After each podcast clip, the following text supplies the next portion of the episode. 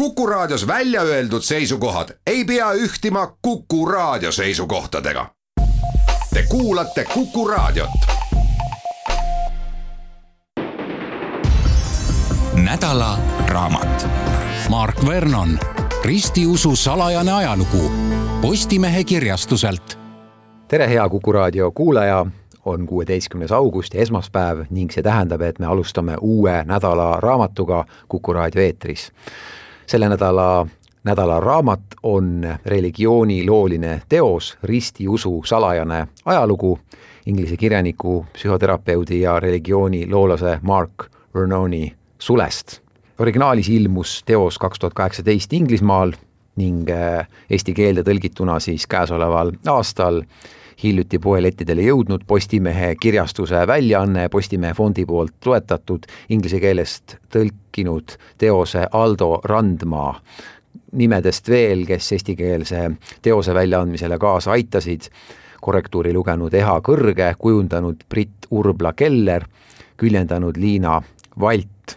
millise teosega siis tegemist on, nagu öeldud, religioonilooline raamat võiks öelda religiooni ja kultuuri looline ülevaade lääne mõtteloo kujunemisest, fookusega mõistagi kristliku maailmavaate sünteesil äh, läbi aastasadade ja ka tegelikult aastatuhandete. samas on tegemist ka filosoofilise, suuresti ka müstilise või tükati isegi esoteerilise käsitlusega inimhinge avardumisest ja täiuslikumast elust kõvakaaneline teos koos registri ja viidetega kolmsada kolmkümmend kuus lehekülge. autor Mark Vernon on meie kaasaegne, nagu öeldud, inglise psühhoterapeut, kirjanik ja religiooniloolane, kes on varasemalt teinud kaastööd mitmetele kristlikele perioodikaväljaannetele Inglismaal, olnud anglikaani kirikus preester ja kellel on ka mitmeid autorisaateid BBC-s, on siis nüüd avaldanud raamatu mille sissejuhatuses eestikeelses väljaandes üheteistkümnendal leheküljel toob ta välja mure, et kristluses kisub miskit kiiva. inimesed lahkuvad massiliselt kirikutest.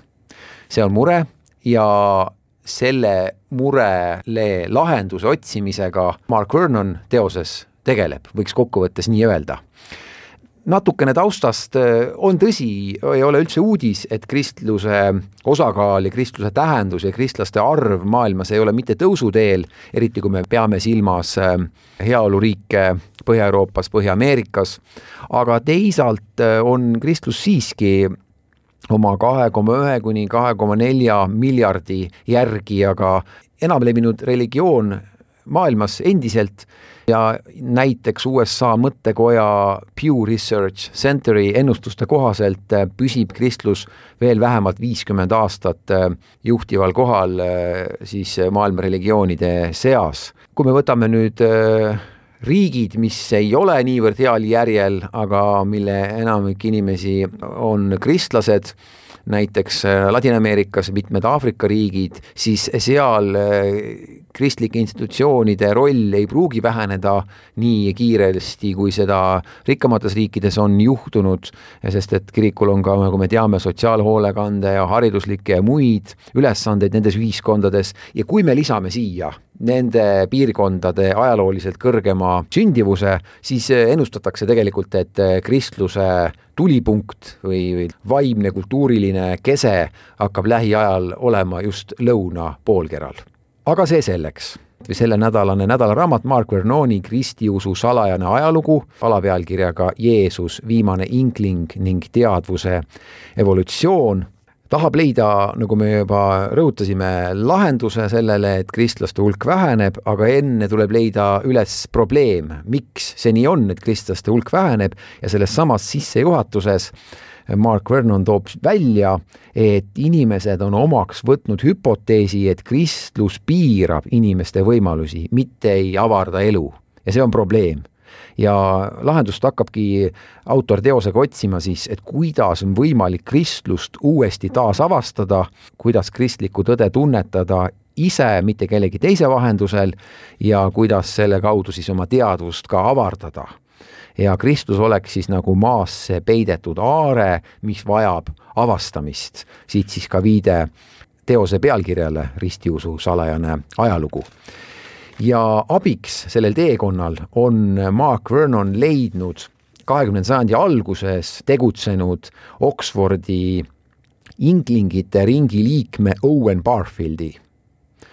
Ilmselt kohane väike selgitus, kes on inklingid ja mis on inklingite ring, kolmekümnendatel Oxfordis loodud, õpetatud kristlike meeste kirjandusklubi, kelle seast üks kuulsamaid oli kääbikute looja Tolkien, aga kuhu kuulus siis ka Owen Barfield ja kes siis äh, on oma, oma kirjatöödes sõnastanud, kuidas valgustusajast alguse saanud ja Nietzsche sõnastatud Jumala surma ületada ja taastada usk. et inimene ei kulgeks sihitult ilma ruumis, vaid äh, oleks äh, vaimset tunnetust läbi kristluse ja kasutades selleks ka muuhulgas sisekaemuse abi eestikeelse väljaande kohta võib öelda, et äh, silma hakkab, et äh, raamat oleks olnud loetavam, kui sellest oleks nii-öelda üle käinud hea keeletoimetaja.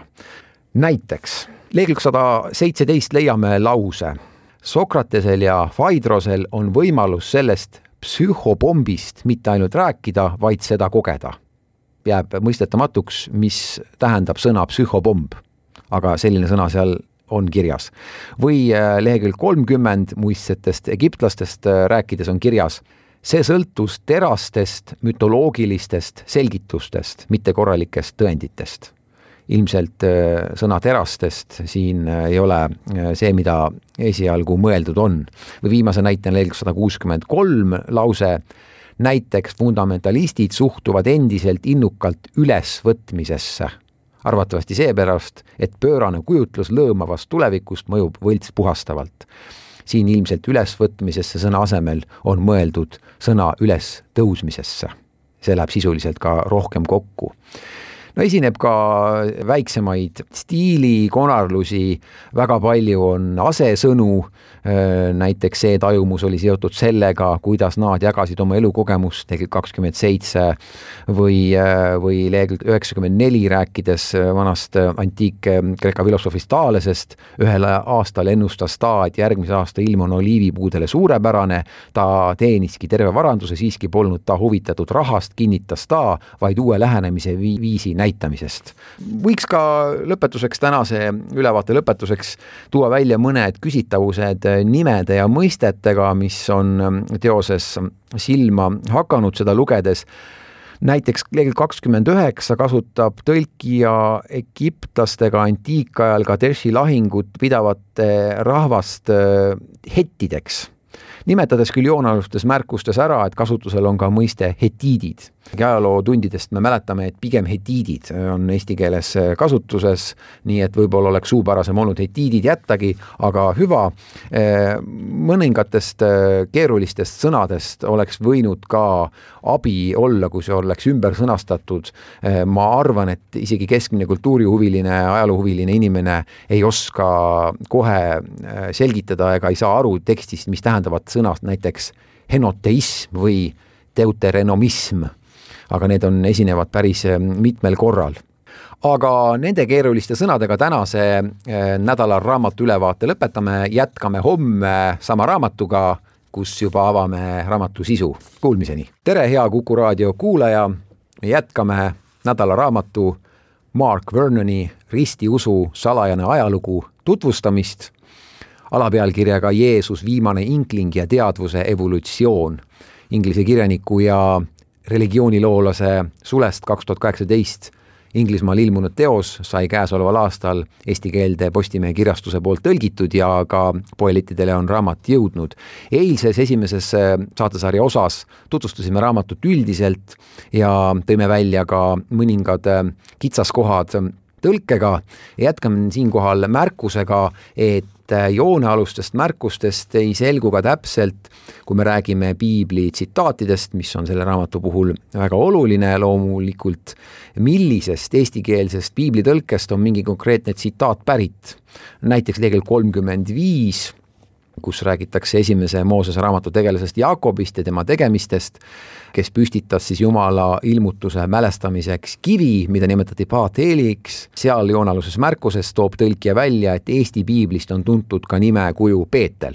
aga millisest äh, Eesti piiblist äh, on see pärit, millist tõlget on silmas peetud?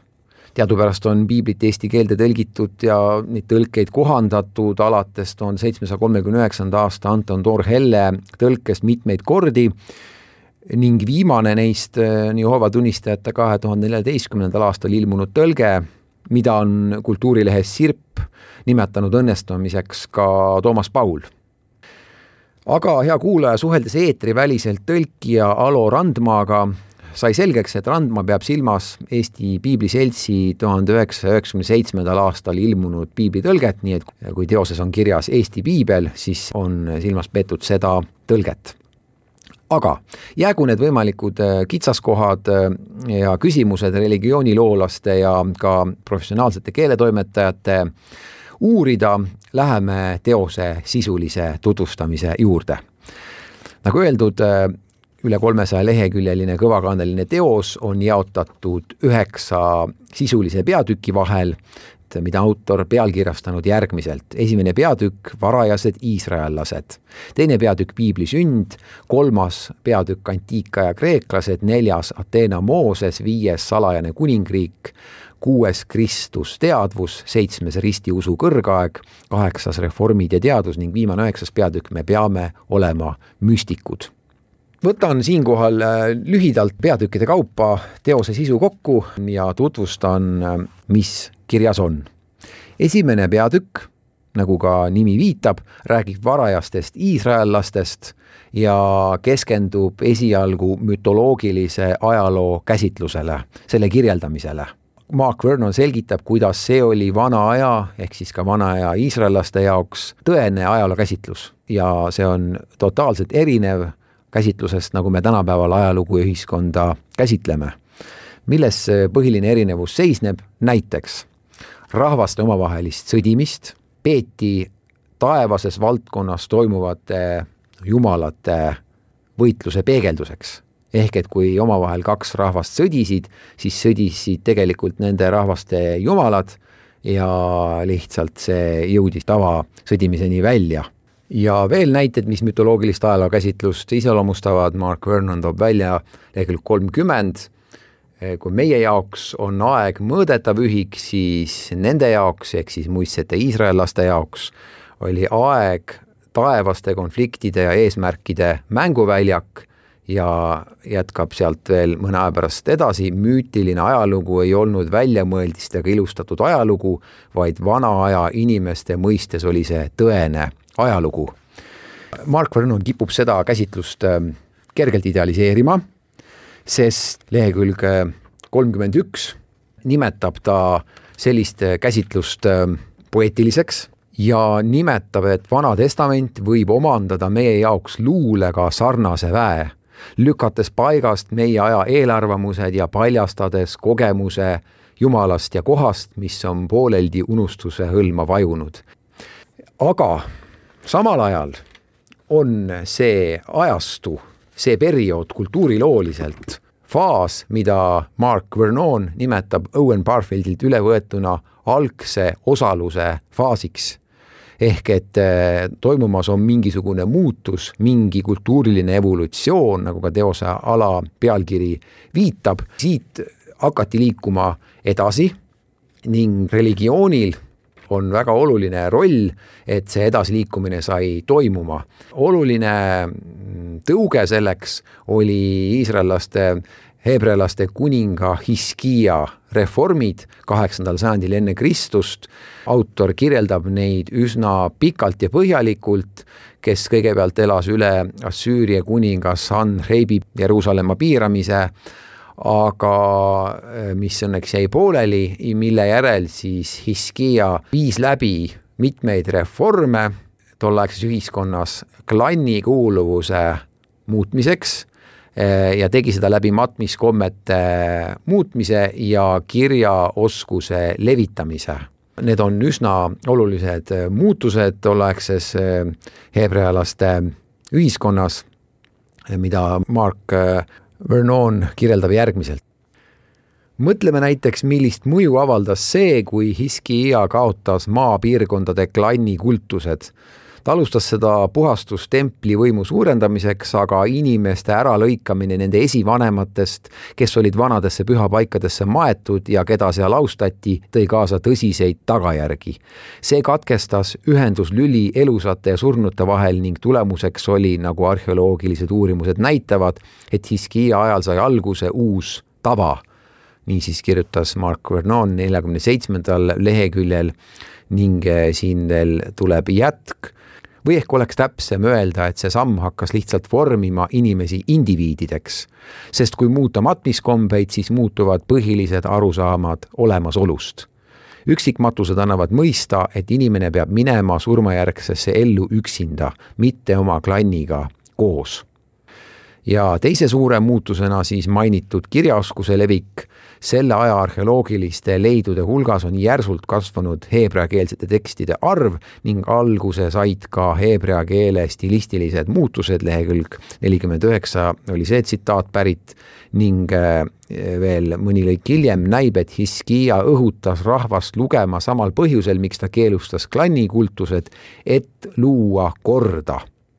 ja kõik need muutused autori eh, selgitusel on olulised, et üldse sai tekkida kirjalik pühakiri, piibel. ja kuidas piibli sünd välja nägi, mis muutusi see tõi kaasa mõistes ühiskonnas, sellest kõneleme juba nädalaraamatu uues osas homme. Kuulmiseni! head kuulajad, me jätkame nädalaraamatu religiooniloolise müstikasse kalduva teose ristiusu salajane ajalugu tutvustamist inglise autori Mark Vernoni sulest eesti keeles ilmunud äh, käesoleval aastal hiljuti Eesti poelettidele jõudnud teos. oleme teose tutvustamisel jõudnud äh, teise peatükini, mis on pealkirjastatud Piibli sünd ning äh, kohe siin Mark Vernon hakkab äh, kirjeldama, millist muutust ühiskonnas toob kaasa see, kui kesksele kohale asetatakse kirjalik tekst varasemalt seda pole olnud, aga ühel hetkel see muistete heebrea laste ühiskonnas eh, nii samm-sammult eh, olema hakkab, aga kohe tekib filosoofiline, eh, võib ka öelda semantiline küsimus, kus on teksti tähendus, kui on tekst kirjas, siis kuidas sellest tekstist aru saada ja kuidas see tähendus välja lugeda, sest tekst nõuab ju lugejat, aga samal ajal lugeja peab ka tekstist aru saama.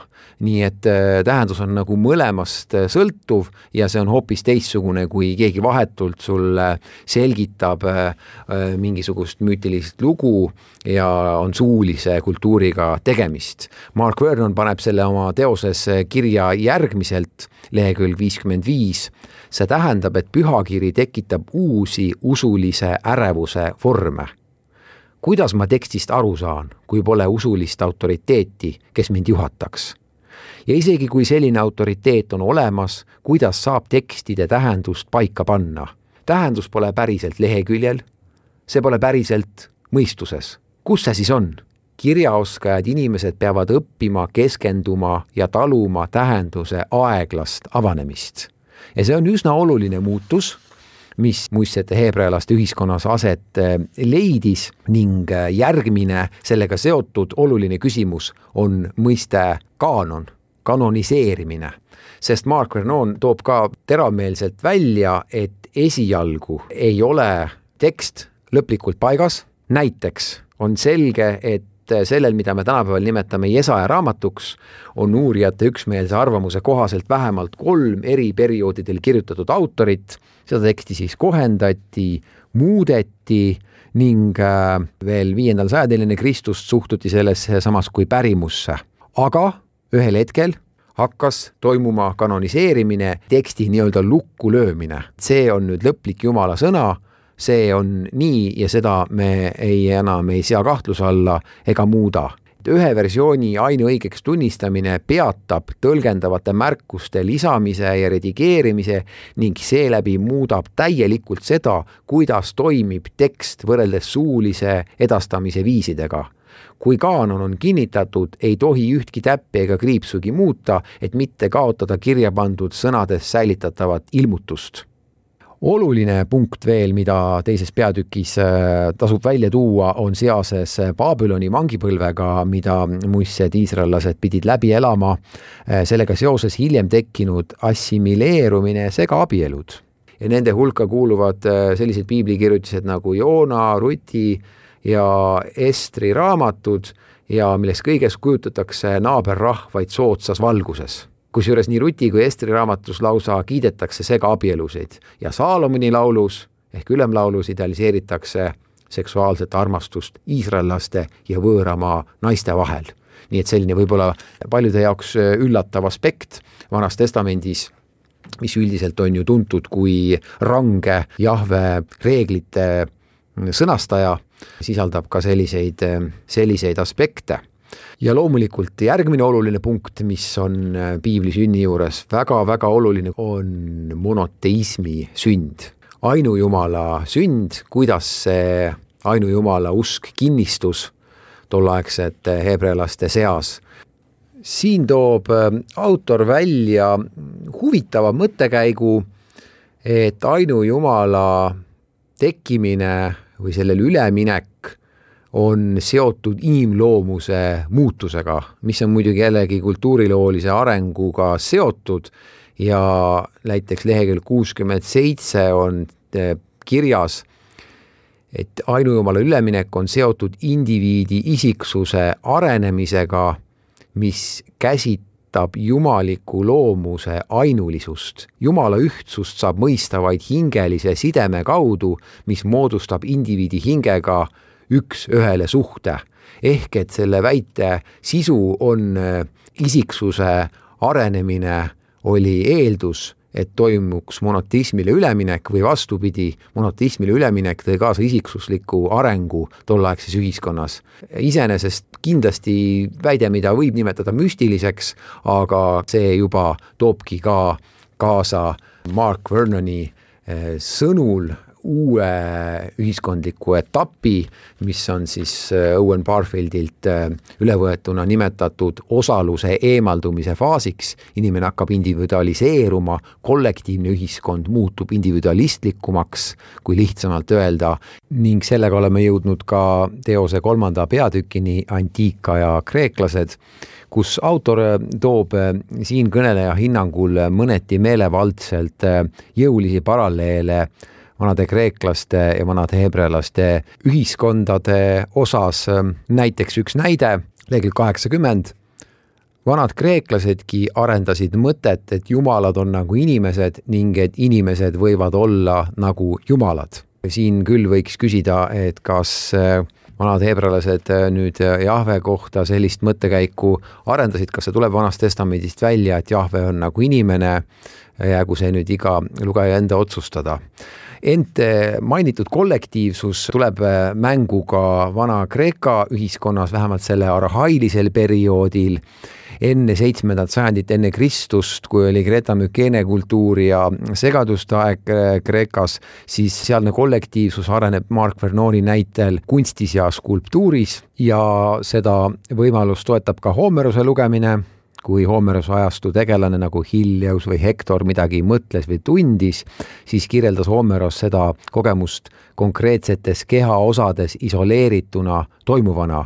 inimene tervikuna seda ei tundnud ta räägib jäsemetest, mis on täis jõudu või turvise asetamisest nahale, kärmetest põlvedest ja nii edasi mis kõik siis näitavad, et eh, inimene koosnes pigem osadest, aga oli ühe suuremasse, ühe suurema terviku osa, mitte indiviid eh, ise tervikuna. ja nii toobki Mark Vernon välja, et eh, nii nagu varajastel iisraellastel oli ka vanadel kreeklastel vähe või mitte üldse ettekujutust eraldiseisvast indiviidist ja vähe arusaamu ühtsest minast, kes kõike juhtis või üldse võis loota seda teha.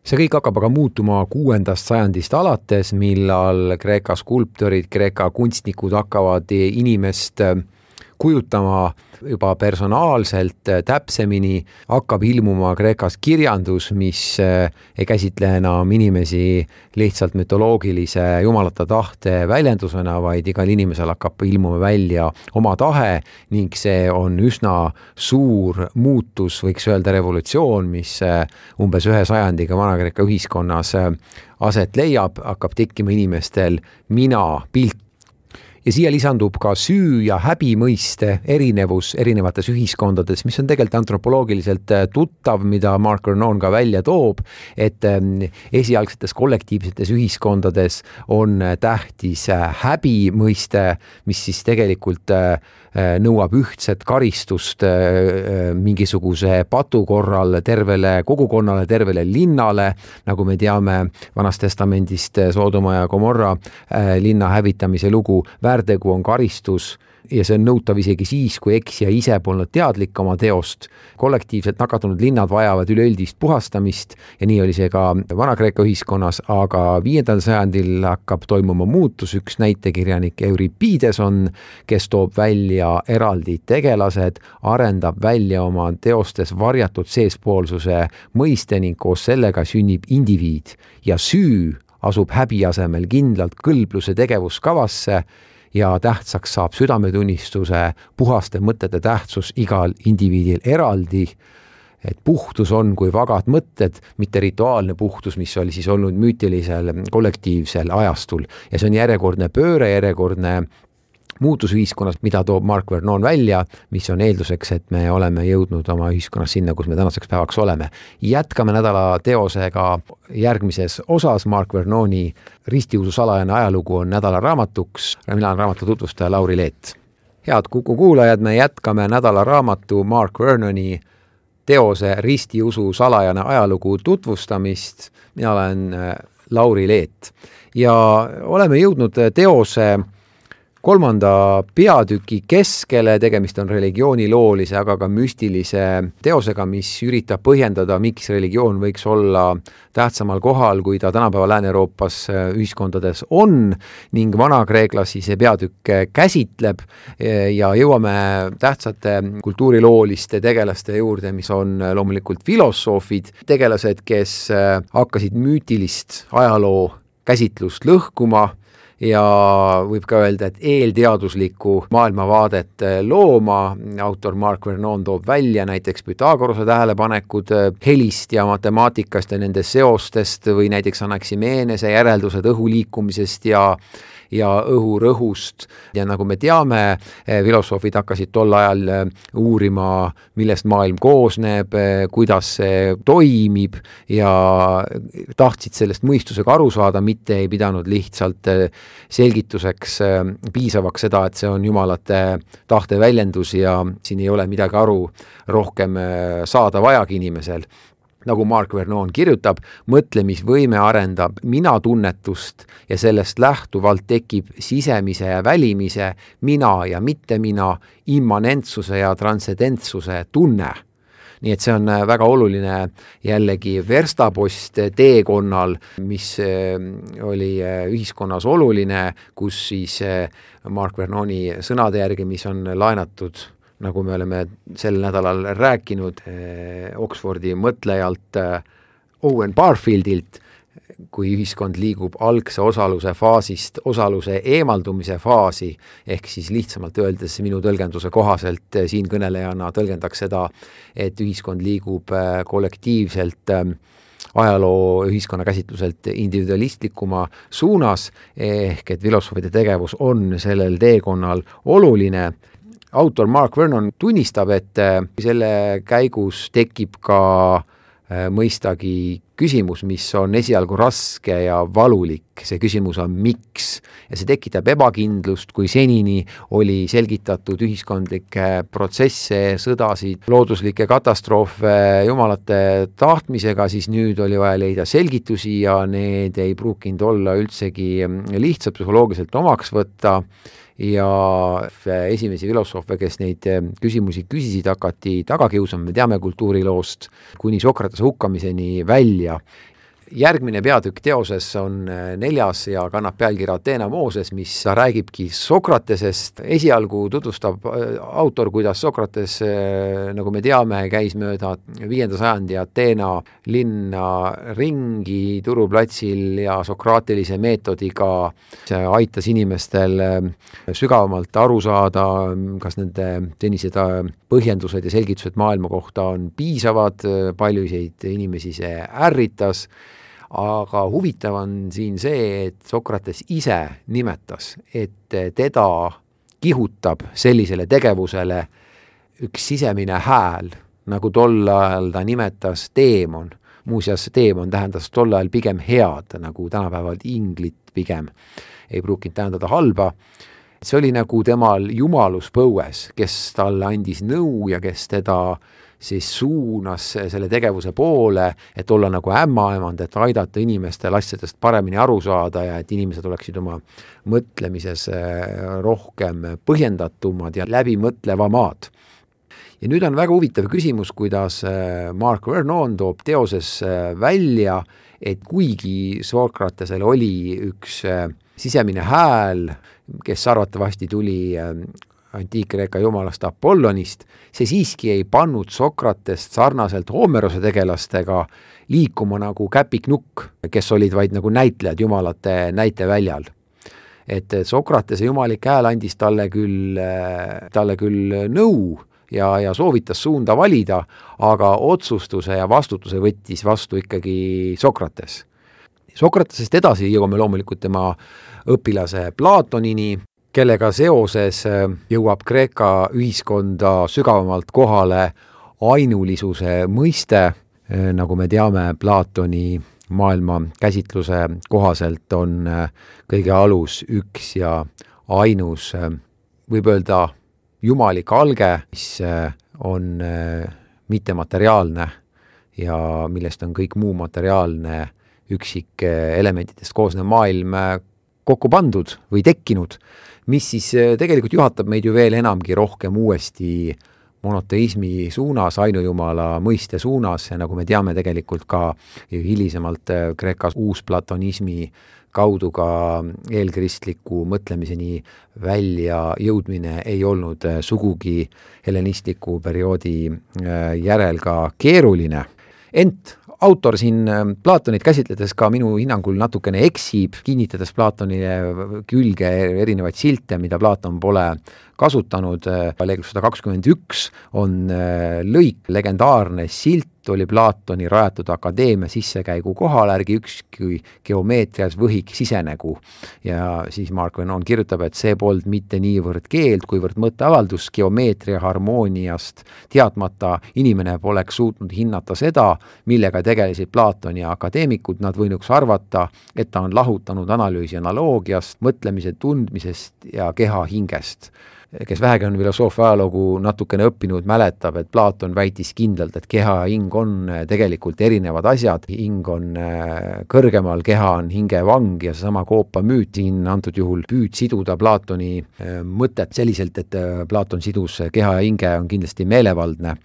aga Mark Vernoni teose neljas peatükk, Ateena Mooses, lõpeb äh, kirjeldusega, kuidas äh, kreeklased ja heebrealased kohtuvad ja ajalooliselt me teame, et see seostub Aleksander Suure vallutustega ja sellele järgneva helenismi perioodiga ning see on siis koht, nagu Mark Vernon kirjutab, kuidas helenistlik tsivilisatsioon jõudis juutliku eluviisi keskmesse, Kreeka kommetega, kaubanduse ja kultuuri kaudu juudid hakkasid saama kokku uues kohas kohalikus sünagoogis, palvekojas, mis tõi usupraktikasse pöörde, sünagoogide levik muutis lugemise ja õppimise sama oluliseks nagu ohverdamise ja rituaalid. nii et äh, siin ei ole tõesti midagi kunstlikku enam äh, heebrealaste ja kreeklaste sidumises, äh, ajalooliselt see aset leidis ja oli järjekordne oluline etapp, kuidas äh, me oleme kristluse ja lääne mõtteviisiga jõudnud sinnamaani, kuhu me tänaseks jõudnud oleme.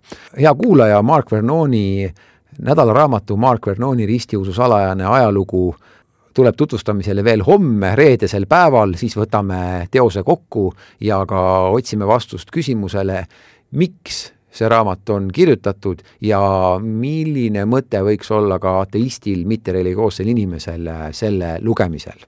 Kuulmiseni homme!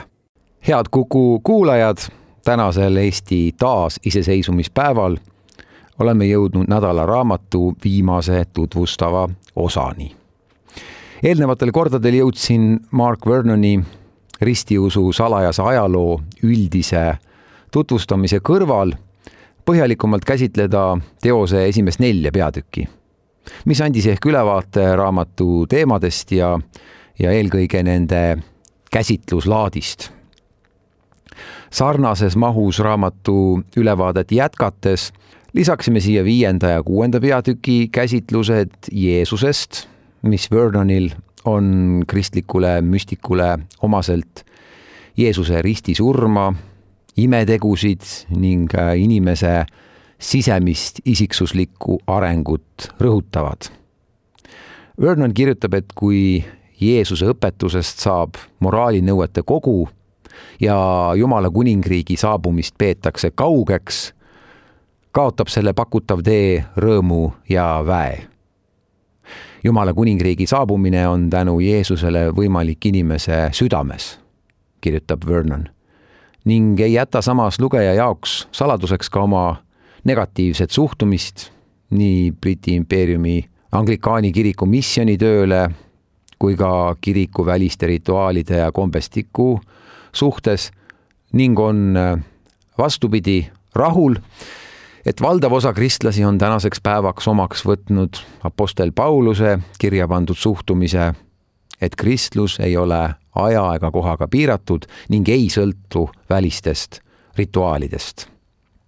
niisiis näib autor pooldavat äh, liberaalsemat kristlust, mida näitavad muuhulgas ka teose kaheksandas peatükis leheküljel kakssada seitseteist kirjas olevad read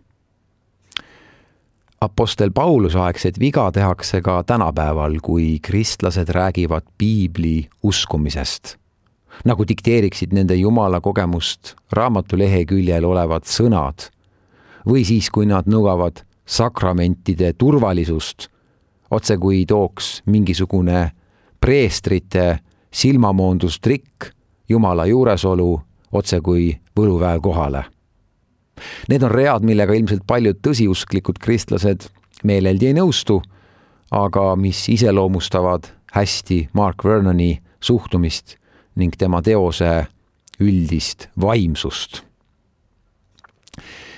meie kõnealune raamat on kristluse suhtes pooldav ja sellega osalust tundev. Kohati lausa kirglikult teatud ristiusu põhimõtete eest tuliste argumentidega seisev, ent on samal ajal kriitiline mitmete kristlike institutsioonide välise kombestiku, rituaalide ja organisatoorsete põhimõtete osas. nagu ka üheksateistkümnenda sajandi Taani filosoof Sören Kierkegaard, näib ka Mark Vernon olevat kirglik kristlane, kes armastab loojat oma südames, ent on samal ajal kristlike institutsioonide ja ka kiriku kui sellise tuline kriitik samal ajal. ja ehk leiab viimasest tõdemusest ka vähemalt osalise vastuse küsimusele, mis on Mark Vernoni raamatu võlu ning miks võiksid seda lugeda ka agnostikud ja isegi ateistid.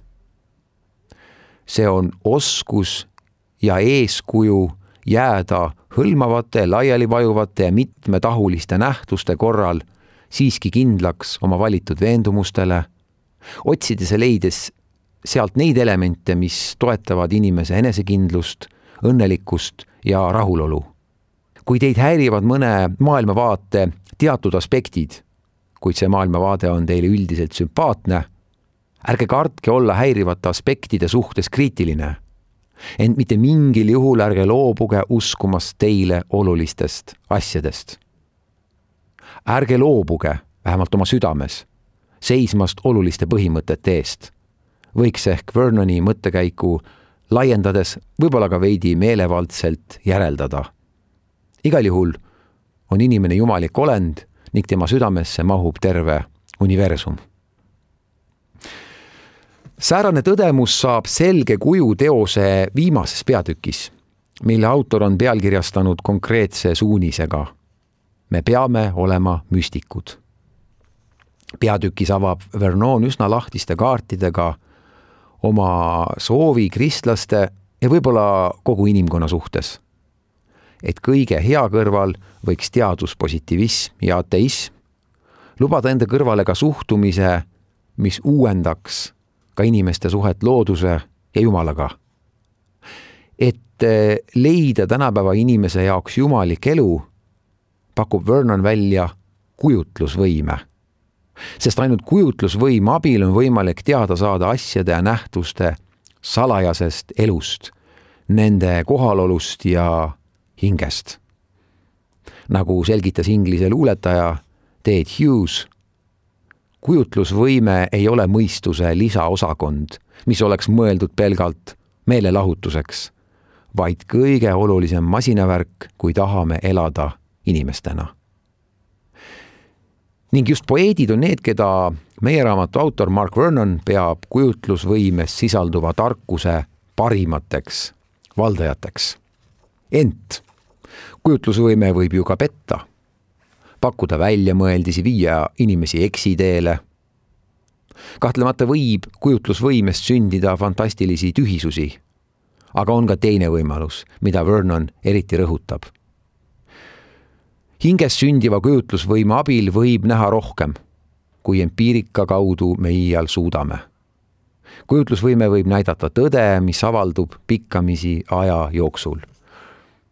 Vernon toob leheküljel kakssada kuuskümmend kaks välja, et just seetõttu käsitles Shakespeare kujutlusvõimet vahepealse tsoonina, mis asub kusagil subjektiivsuse ja objektiivsuse vahel. see hõljub ääre peal, läve kohal. see on valdkond, millesse me astume, kui kuuleme mõnda näidendit, luuletust, tähendamissõna. see on ilmutuse ala Mark Vernon toob näiteid erinevatest maailmakultuuri loomingulistest tippteostest, piiblitekstist, Platoni teostest, Bachi muusikast, Shakespeare'i näidenditest ning märgib, et loovus ei lakka, see on arm.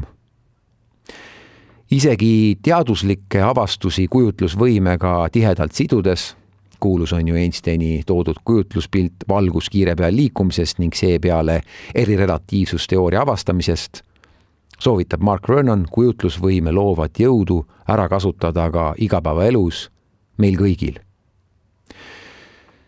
ja küll ka kristlik osalus selle käigus meieni jõuab, näib Vernon uskuvat ja võib-olla on tal isegi õigus, sest kui kristlusele läheneda nii, nagu seda Vernon soovib teha, mitte alandades evangeeliumit vaid moraalijuhiste tasemele, mis laotab inimeste hingele koorma ja pealegi ei vaja tänapäeva inimesed alalist keelitamist ja õpetamist, vaid hoopis sel teel, et me võiksime loobuda muretsemast nii palju homse pärast ning olla vabad vaesuses ja rikkuses. me võiksime leida, et ka meie oleme maailmas, aga mitte pelgalt sellest maailmast, nähtavast maailmast. ning me võiksime tagasi saada müstikute kogemuse ja nendele põhimõtetele toetudes võiks kristlus ehk tõesti veel pikalt edasi kesta sellega lõpetan Mark Vernoni teose kristluse salajane ajalugu tutvustamise ja jätan ülejäänud avastused sinu, hea lugeja, teha. mina olen Lauri Leet, kuulmiseni. nädala raamat. Mark Vernon, ristiusu salajane ajalugu Postimehe kirjastuselt